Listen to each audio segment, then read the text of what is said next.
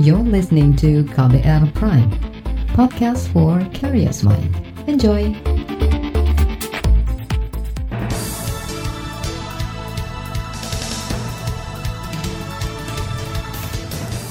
Selamat pagi saudara, senang sekali kami bisa menjumpai Anda kembali melalui program Buletin Pagi edisi Selasa 28 Juli 2020 bersama saya Agus Lukman. Kami telah menyiapkan sejumlah informasi terkini di antaranya Indonesia darurat tindak pidana perdagangan orang. Jumlah kabupaten kota di Indonesia yang masuk zona merah bertambah. Pemerintah meminjamkan triliunan rupiah kepada Jakarta dan Jawa Barat untuk tangani pandemi. Inilah Buletin Pagi selengkapnya. terbaru di Buletin Pagi. Kepolisian daerah Kepulauan Riau menangkap tujuh orang anggota sindikat perdagangan orang untuk dipekerjakan di kapal penangkap ikan Tiongkok. Sindikat ini merekrut dan mengirim 20-an tenaga kerja Indonesia ke luar negeri. Tujuh orang anggota sindikat ini dibekuk di Kabupaten Tegal, Jawa Tengah, dan penangkapan ini merupakan pengembangan penyelidikan temuan anak buah kapal Indonesia yang tewas dalam lemari pendingin di sebuah kapal ikan milik Tiongkok dua pekan lalu. Kapal ini berlayar selama tujuh bulan dari Singapura ke Argentina dan melewati perairan Indonesia. Saat itu kepolisian melakukan penyergapan. Sebelumnya polisi menetapkan seorang warga Tiongkok dan tiga petinggi perusahaan penyaluran jasa sebagai tersangka karena terlibat dalam dugaan penganiayaan hingga tewasnya seorang anak buah kapal di kapal tersebut. Saudara, sepanjang tahun ini Polri mengklaim menangani 10 kasus tindak pidana perdagangan orang atau TPPO untuk dipekerjakan sebagai anak buah kapal. Kepala Unit Penindakan Perdagangan Orang di Mabes Polri, Heri Maksud kami Henry Prihantoko mengatakan meskipun telah mengungkap kasus-kasus itu, Polri menemukan sejumlah hambatan dalam penyelidikan maupun penyidikan korban yaitu tidak mau melapor kemudian korban tidak diketahui keberadaannya dan di mana identitas korban sendiri tidak didapatkan secara jelas. Kemudian korban masih berada di luar wilayah Indonesia. Untuk di TPPO sendiri dapat kita ketahui bersama bahwa korban merupakan bagian penting di mana harus kami ambil keterangannya Kepala Unit Penindakan Perdagangan Orang di Bareskrim Mabes Polri, Henry Prihanto, menambahkan hambatan lain adalah kurangnya atau hilangnya barang bukti. Selain itu, masalah lain adalah adanya perbedaan sistem hukum antar negara dan terbatasnya hukum dalam kerjasama internasional. Ini menyulitkan Polri dalam menindak warga asing ataupun agensi penyalur yang berada di luar wilayah Indonesia. Saudara Indonesia menempati jumlah teratas kasus tindak pidana perdagangan orang atau TPPO dunia. Kementerian Pemberdayaan Perempuan dan Pelindungan Anak mencatat di sektor perikanan saja jumlah kasus perdagangan orang di Indonesia mencapai 2 ribuan kasus dalam 10 tahun terakhir. Asisten Deputi Perlindungan Hak Perempuan dari Tindak Pidana Perdagangan Orang, Destri dan Handayani, merinci ada 20-an anak dan 1.800-an orang dewasa menjadi korban. Di antara negara-negara ini Indonesia itu adalah memiliki korban TPPO yang ABK-nya itu paling tinggi. Sehingga bisa kita simpulkan bahwa Indonesia itu termasuk daerah tujuan dari TPPO ABK. Dengan yang terbukti bahwa akhir-akhir ini ABK kita yang dieksploitasi di kapal Tiongkok itu dan di kapal asing lainnya itu meningkat ya. Itu artinya pengungkapan di negara tujuan itu yang kemungkinan itu belum sebagus di Indonesia. Asisten Deputi Perlindungan Hak Perempuan dari Tindak Pidana Perdagangan Orang, Destri Handayani, meminta adanya peningkatan layanan bagi korban tindak pidana perdagangan orang seperti rehabilitasi yang saling terintegrasi antar kementerian dan lembaga. Dorongan ini disampaikan menjelang peringatan Hari Anti Perdagangan Orang Sedunia yang jatuh pada 30 Juli nanti. Lembaga Peduli Pekerja Migran Migrant Care menyoroti peningkatan kasus tindak pidana perdagangan orang di Indonesia yang tidak dibarengi dengan peningkatan penegakan hukum. Direktur Eksekutif LSM Migrant Care Anis Hidayah berpandangan penegakan hukum yang lamban dikarenakan banyak korban perdagangan orang yang kesulitan mengakses pembuatan pelaporan. Dan ini juga didukung misalnya pencegahannya juga menurut saya ya grade-nya nggak naik-naik gitu. E, kalau pemerintah serius itu kan ini harus diberantas e, lintas isu, lintas kementerian gitu. Karena nggak bisa ini hanya di bawah BNP 2TKI atau BP2MI dan Kemenaker misalnya nggak bisa. Ini harus kolaborasi dengan Kemendikbud misalnya. Karena modus sekolah itu juga banyak sekali trafficking yang terjadi lewat beasiswa, lewat e, langsung kerja, lewat magang dan lain sebagainya. Direktur Eksekutif LSM Migrant Care Anis Hidayah menambahkan sektor pengawasan juga masih menjadi persoalan serius dalam upaya pencegahan perdagangan orang. Anis Hidayah menilai tim pengawas di Indonesia sangat minim, diperkirakan hanya ada 27 ribu orang pengawas, padahal pekerja di dalam negeri sebanyak 36 juta dan di luar negeri ada 9 juta orang. Sementara itu catatan dari Bank Dunia, menyebut dari 9 juta pekerja migran Indonesia yang tercatat resmi di pemerintah hanya 3,7 juta pekerja. Sisanya disebut tanpa dokumen atau ilegal. Kepala Badan Perlindungan Pekerja Migran Indonesia BP2MI, Beni Ramdhani mengatakan status ilegal ini menjadi penyebab munculnya praktek eksploitasi, kekerasan, gaji tidak dibayar maupun kejahatan-kejahatan lain. Hanya bagaimana kita ya berhadapan dengan mafia mengeliminasi ya mengeliminir mengurangi memproteksi keberangkatan-keberangkatan PMI secara ilegal. Tapi juga siapa pun mereka yang terlibat dalam proses pengiriman secara ilegal kita ingin menghadirkan negara dan juga ya bagaimana hukum harus bekerja. Kita tidak akan pernah berkompromi dengan mereka dan kita serius tidak sedang bersandiwara sehingga itulah BP2MI mengajak semua kekuatan ya kementerian lembaga untuk terlibat di dalamnya Kepala Badan Perlindungan Pekerja Migran Indonesia BP2MI, Beni Ramdhani, memastikan tidak akan pandang bulu dan akan memberantas mafia yang memberangkatkan pekerja migran Indonesia secara ilegal termasuk dengan modus memperdagangkan manusia atau trafficking. Angka kasus COVID-19 di Indonesia tembus 100 ribu jiwa. Informasi selengkapnya kami hadirkan sesaat lagi tetaplah di Buletin Pagi KBR. You're listening to KBR Pride, podcast for curious mind. Enjoy!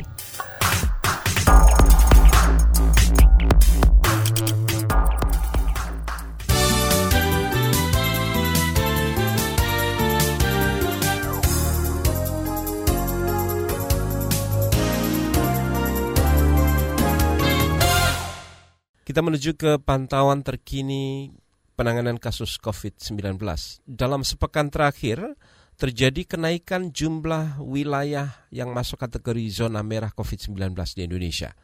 Juru bicara pemerintah untuk penanganan COVID-19 Wiku Adhisa Smito mengatakan, jika pekan lalu hanya terdapat 35 kabupaten kota yang masuk dalam kategori zona merah, pekan ini jumlahnya bertambah menjadi 53 wilayah. Terjadi kenaikan prosentase jumlah kabupaten kota yang zonanya risiko tinggi yaitu merah dari minggu lalu 6,81 persen menjadi 10,31 persen. Begitu juga kabupaten kota dengan zona oranye risiko sedang yaitu dari 32,88 persen menjadi 35,99 persen. Juru bicara pemerintah untuk penanganan COVID-19 Wiku Adhisa Smito mengatakan sejumlah daerah yang tidak beranjak dari zona merah antara lain Jakarta Pusat, Jakarta Barat, Semarang, Gresik, serta Surabaya. Ia menyebut tidak membaiknya kondisi suatu daerah lantaran masyarakat di wilayah itu tidak menaati protokol kesehatan dan pemerintah daerah juga tidak ketat dalam menangani wabah. Saudara, jumlah kumulatif kasus positif virus corona atau COVID-19 di Indonesia telah mencapai angka 100 ribu orang pada Senin sore kemarin. Lonjakan kasus mencapai ratusan ribu ini hanya butuh waktu sekitar lima bulan saja sejak kasus positif pertama di Indonesia diumumkan pada Maret lalu. Dari jumlah seratusan ribu orang itu, sebanyak 58 ribu dinyatakan sembuh dan hampir 5 ribu orang meninggal. Kasus positif COVID-19 pada Juli ini mengalami lonjakan drastis dari bulan-bulan sebelumnya.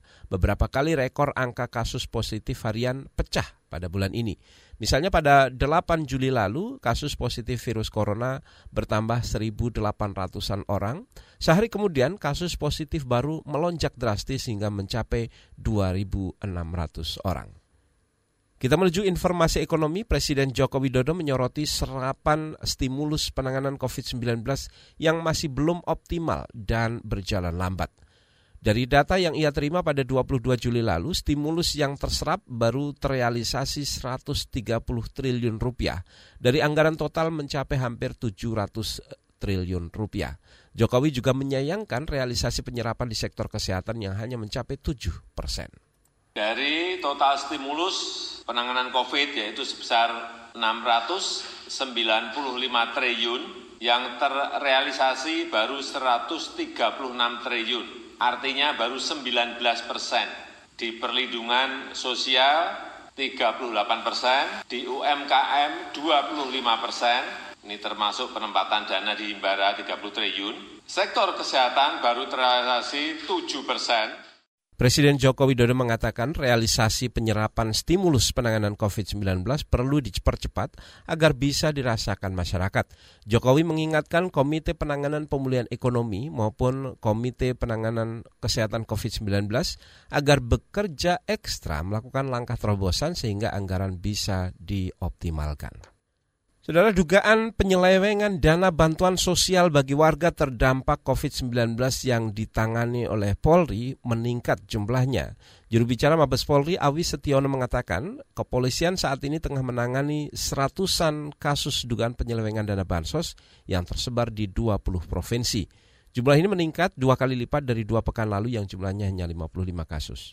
Besar kecilnya pelanggaran, ada tim yang mengasesmen, kemudian nanti dikedepankan memang kalau pelanggaran itu pelanggaran kecil akan dikedepankan kepada apipnya atau inspektorat untuk yang menanganinya. Juru bicara Mabes Polri Awi Setiono menjabarkan dugaan penyelewengan dana bantuan sosial yang paling banyak terjadi ada di Sum Sumatera Utara dengan 38 kasus, disusul Jawa Barat, Nusa Tenggara Barat, Riau, Jawa Timur, dan Sulawesi Selatan.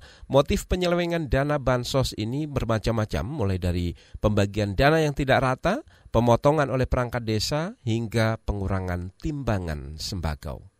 Saudara pemerintah akan segera membuka kembali gelombang 4 pendaftaran program Kartu Prakerja. Menteri Koordinator Bidang Perekonomian Air Langga Hartarto mengatakan program ini akan kembali dilanjutkan agar penyerapan belanja anggaran pemerintah bisa dilakukan secara cepat itu kartu prakerja akan segera dimulai kembali. Kemarin sudah clear dan baik dari kelembagaan maupun uh, revisi daripada uh, Perpres PP-nya maupun revisi daripada Permenko-nya. Sehingga tentu diharapkan ini gelombang keempat akan segera dimulai secara offline, online, dan offline pun akan segera dimulai sehingga anggaran tentu bisa terserap secara lebih cepat itu tadi Menko Perekonomian Airlangga Hartarto.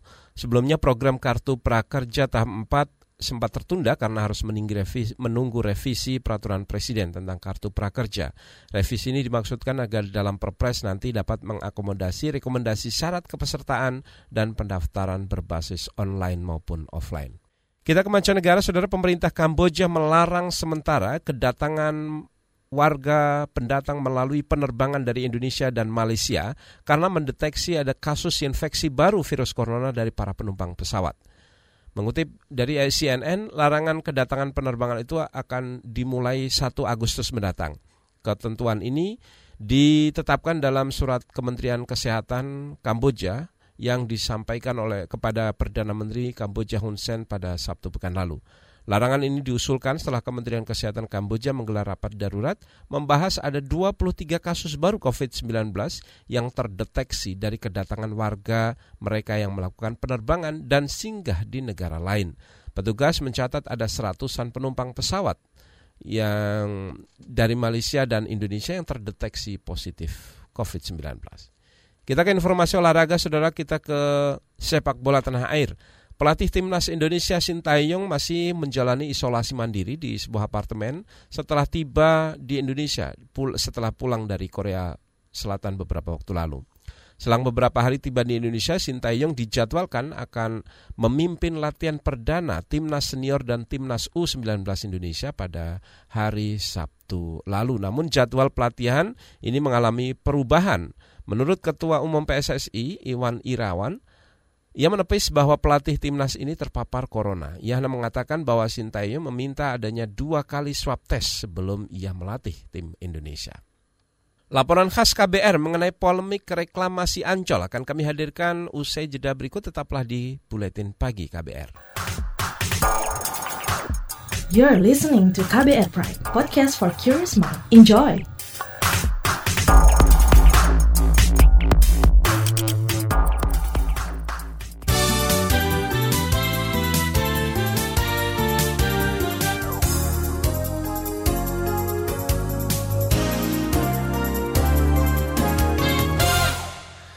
Anda masih mendengarkan buletin pagi dari KBR. Saudara Gubernur DKI Jakarta Anies Baswedan dituding ingkar janji dengan mengeluarkan izin reklamasi di kawasan Pantai Ancol. Pada saat kampanye pemilu pemilihan gubernur DKI pada 2017 lalu, Anies tegas menolak reklamasi 17 pulau di Teluk Jakarta. Itu sebabnya langkah penerbitan izin reklamasi Ancol diprotes karena bertolak belakang dengan janji semula. Kelompok nelayan menjadi yang paling lantang bersuara. Berikut laporan tim KBR dibacakan Astri Yuwanasari.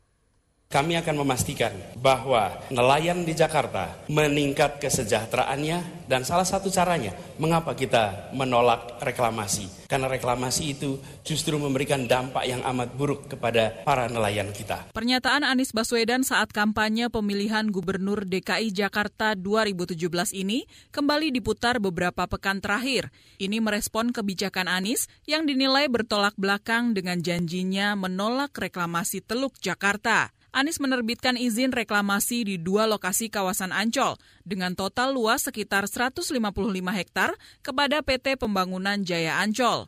Langkah Anies ini diprotes keras nelayan kecil di sekitar Teluk Jakarta. Anies dituding ingkar janji dengan mengorbankan nasib banyak nelayan di Muara Angke, Kamal Muara, Dadap, Kalibaru hingga Priok. Menurut nelayan Muara Angke Iwan Harmidi, reklamasi bakal merampas wilayah tangkap dan sumber penghidupan mereka. Nah tinggal di Ancol itu yang masih berkembang biak subur. Nah ternyata mau diuruk lagi seluas 150 hektar. Artinya nelayan kecil itu jelas ruang tangkapnya terampas di situ. Menurut Iwan, nelayan sudah dirugikan kala reklamasi tiga pulau dari rencana 17 pulau yang terlanjur dilakukan. Kebijakan melakukan reklamasi Ancol bakal makin menyengsarakan para nelayan. Tadinya di pesisir Teluk Jakarta banyak. Di depan Kamal itu yang dibangun Pulau CD itu. Tadinya itu tempat ikan-ikan berkembang biak di situ. Bertelur di situ, menetas di situ, besar di situ, lalu dia pergi ke tengah. Sekarang pesisir itu udah diuruk semua kan. Tak hanya nelayan kecil, dampak reklamasi juga akan merugikan nelayan skala menengah. Kegiatan pengurukan akan mengganggu perkembangbiakan biota-biota laut. Alhasil, nelayan harus makin jauh melaut demi mendapat tangkapan. Iya ya ngefek lah. Dia akan cari lebih jauh lagi dari situ. Akan cari tempat yang untuk menetaskan telur lebih jauh dari situ. Apakah masih di Teluk Jakarta menetasnya atau tidak. Jadi makin berkurang untuk dampak nelayan skala menengah ya. Menurut Iwan, reklamasi perlu ditolak karena dampaknya merusak lingkungan dan sosial. Nelayan tetap menolak kalau timbul reklamasi di Teluk Jakarta atau di pesisir Teluk ini tetap menolak karena udah nggak ada tempat lahan ruang untuk tangkap lagi dan dampaknya akan dampak lingkungannya ini loh dampak pencemarannya akan luar biasa selanjutnya dan dampak sosialnya juga sangat luar biasa. Nelayan tidak bisa mendekati lagi jika itu sudah dibangun-bangun tempat-tempat yang elit. Namun protes nelayan tradisional tampaknya tak cukup lantang terdengar hingga Balai Kota Jakarta. Pandemi COVID-19 turut menghambat upaya turun ke jalan melancarkan aksi. Nelayan hanya bisa pasrah menitipkan aspirasi melalui media, meminta perhatian dari pemerintah provinsi dan wakil rakyat. Di lain pihak, Gubernur Anies Baswedan terus berkilah bahwa izin perluasan Ancol berbeda dengan reklamasi 17 pulau. Ia mengklaim pengurukan tersebut berasal dari hasil pengerukan 13 sungai dan 30 waduk untuk menanggulangi banjir. Waduk sungai itu dikeruk, dikeruk terus-menerus, lumpur itu kemudian ditaruh di kawasan Ancol. Dan proses ini sudah berlangsung cukup panjang, bahkan menghasilkan lumpur yang amat banyak, 3,4 juta meter kubik. Nah, lumpur ini kemudian dimanfaatkan untuk pengembangan kawasan Ancol. Jadi, ini adalah sebuah kegiatan untuk melindungi warga Jakarta dari bencana banjir. Ini berbeda dengan proyek reklamasi yang sudah dihentikan itu. Anies juga mengklaim izin reklamasi itu tidak akan mengganggu ruang hidup nelayan. Ia juga menggadang-gadang bakal ada pembangunan museum sejarah Nabi di atas lahan reklamasi. Sementara itu, anggota DPRD Jakarta Komisi B Eneng Maliana Sari atau Mili menyebut dua lokasi reklamasi Ancol itu mirip dengan Pulau L dan K yang termasuk bagian dari 17 pulau buatan. Kecurigaan serupa juga pernah dilontarkan LSM Koalisi Rakyat untuk Keadilan Perikanan Kiara. Meski begitu, Mili belum bisa memastikan kebenaran tentang dugaan itu usai meninjau lapangan. Kalau Pulau K itu memang udah bagian dari Ancol yang 32 hektar. Terus kalau yang kawasan L itu kan orang menduganya itu dari peta ya. Peta yang pergubnya Ahok ya katanya sih yang dulu itu agak menjorok ke sana, ada pergeseran dikit gitu. Tapi spesifiknya aku juga nggak melihat sih perbedaannya itu di mana. Mili menuturkan hingga kini belum ada kejelasan tentang rencana reklamasi berikut pembangunannya dari Pemprov maupun PT Pembangunan Jaya Ancol. Ia mendesak dilakukannya berbagai kajian terlebih dahulu, termasuk soal dampaknya bagi nelayan. Kita di PSI berharap bahwa memang pembangunan Jakarta gitu ya khususnya jika reklamasi ini diperlukan untuk pembangunan Jakarta gitu, nggak semerta-merta dilakukan begitu saja jadi jangan asal bikin bangun, tapi juga perhatikan juga untuk kalangan bawahnya diberi perhatian. Demikian laporan tim KBR, saya Astri Yuwanasari. Informasi lain dari daerah akan kami hadirkan usai jeda berikut tetaplah bersama Buletin Pagi KBR. You're listening to KBR Pride, podcast for curious mind. Enjoy!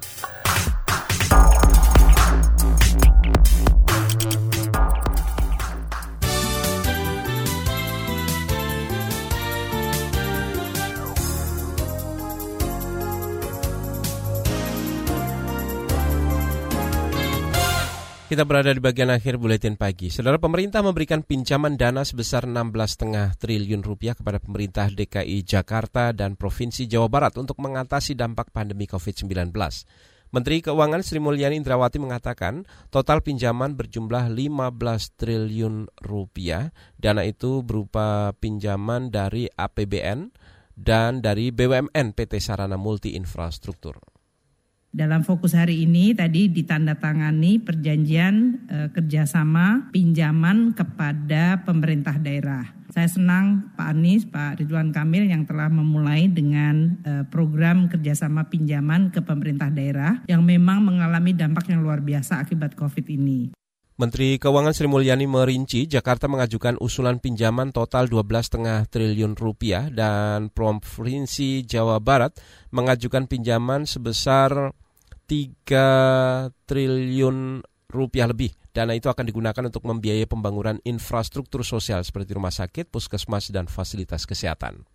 Kita menuju ke Balikpapan, Kalimantan Timur. Saudara Kementerian Pekerjaan Umum membangun bendungan Sepaku Semoy di Kabupaten Penajem Pasar Utara di Kalimantan Timur. Wali Kota Balikpapan Rizal Effendi mengatakan bendungan ini nanti akan menjadi sumber air baku bagi ibu kota negara yang baru maupun untuk pasokan air baku kota Balikpapan utamanya adalah air baku. Kita kekurangan masih 500 sampai 1000 liter per detik.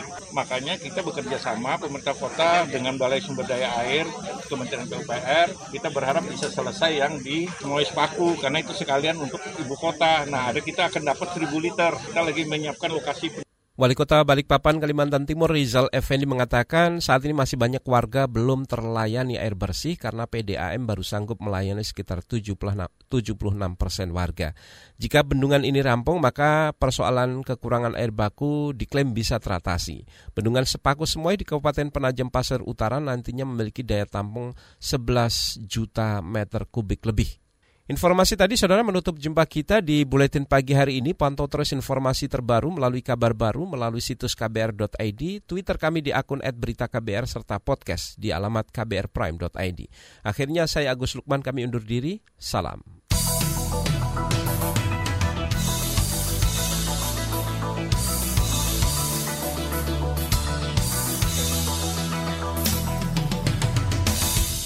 KBR Prime, cara asik mendengar berita. KBR Prime, podcast for curious mind.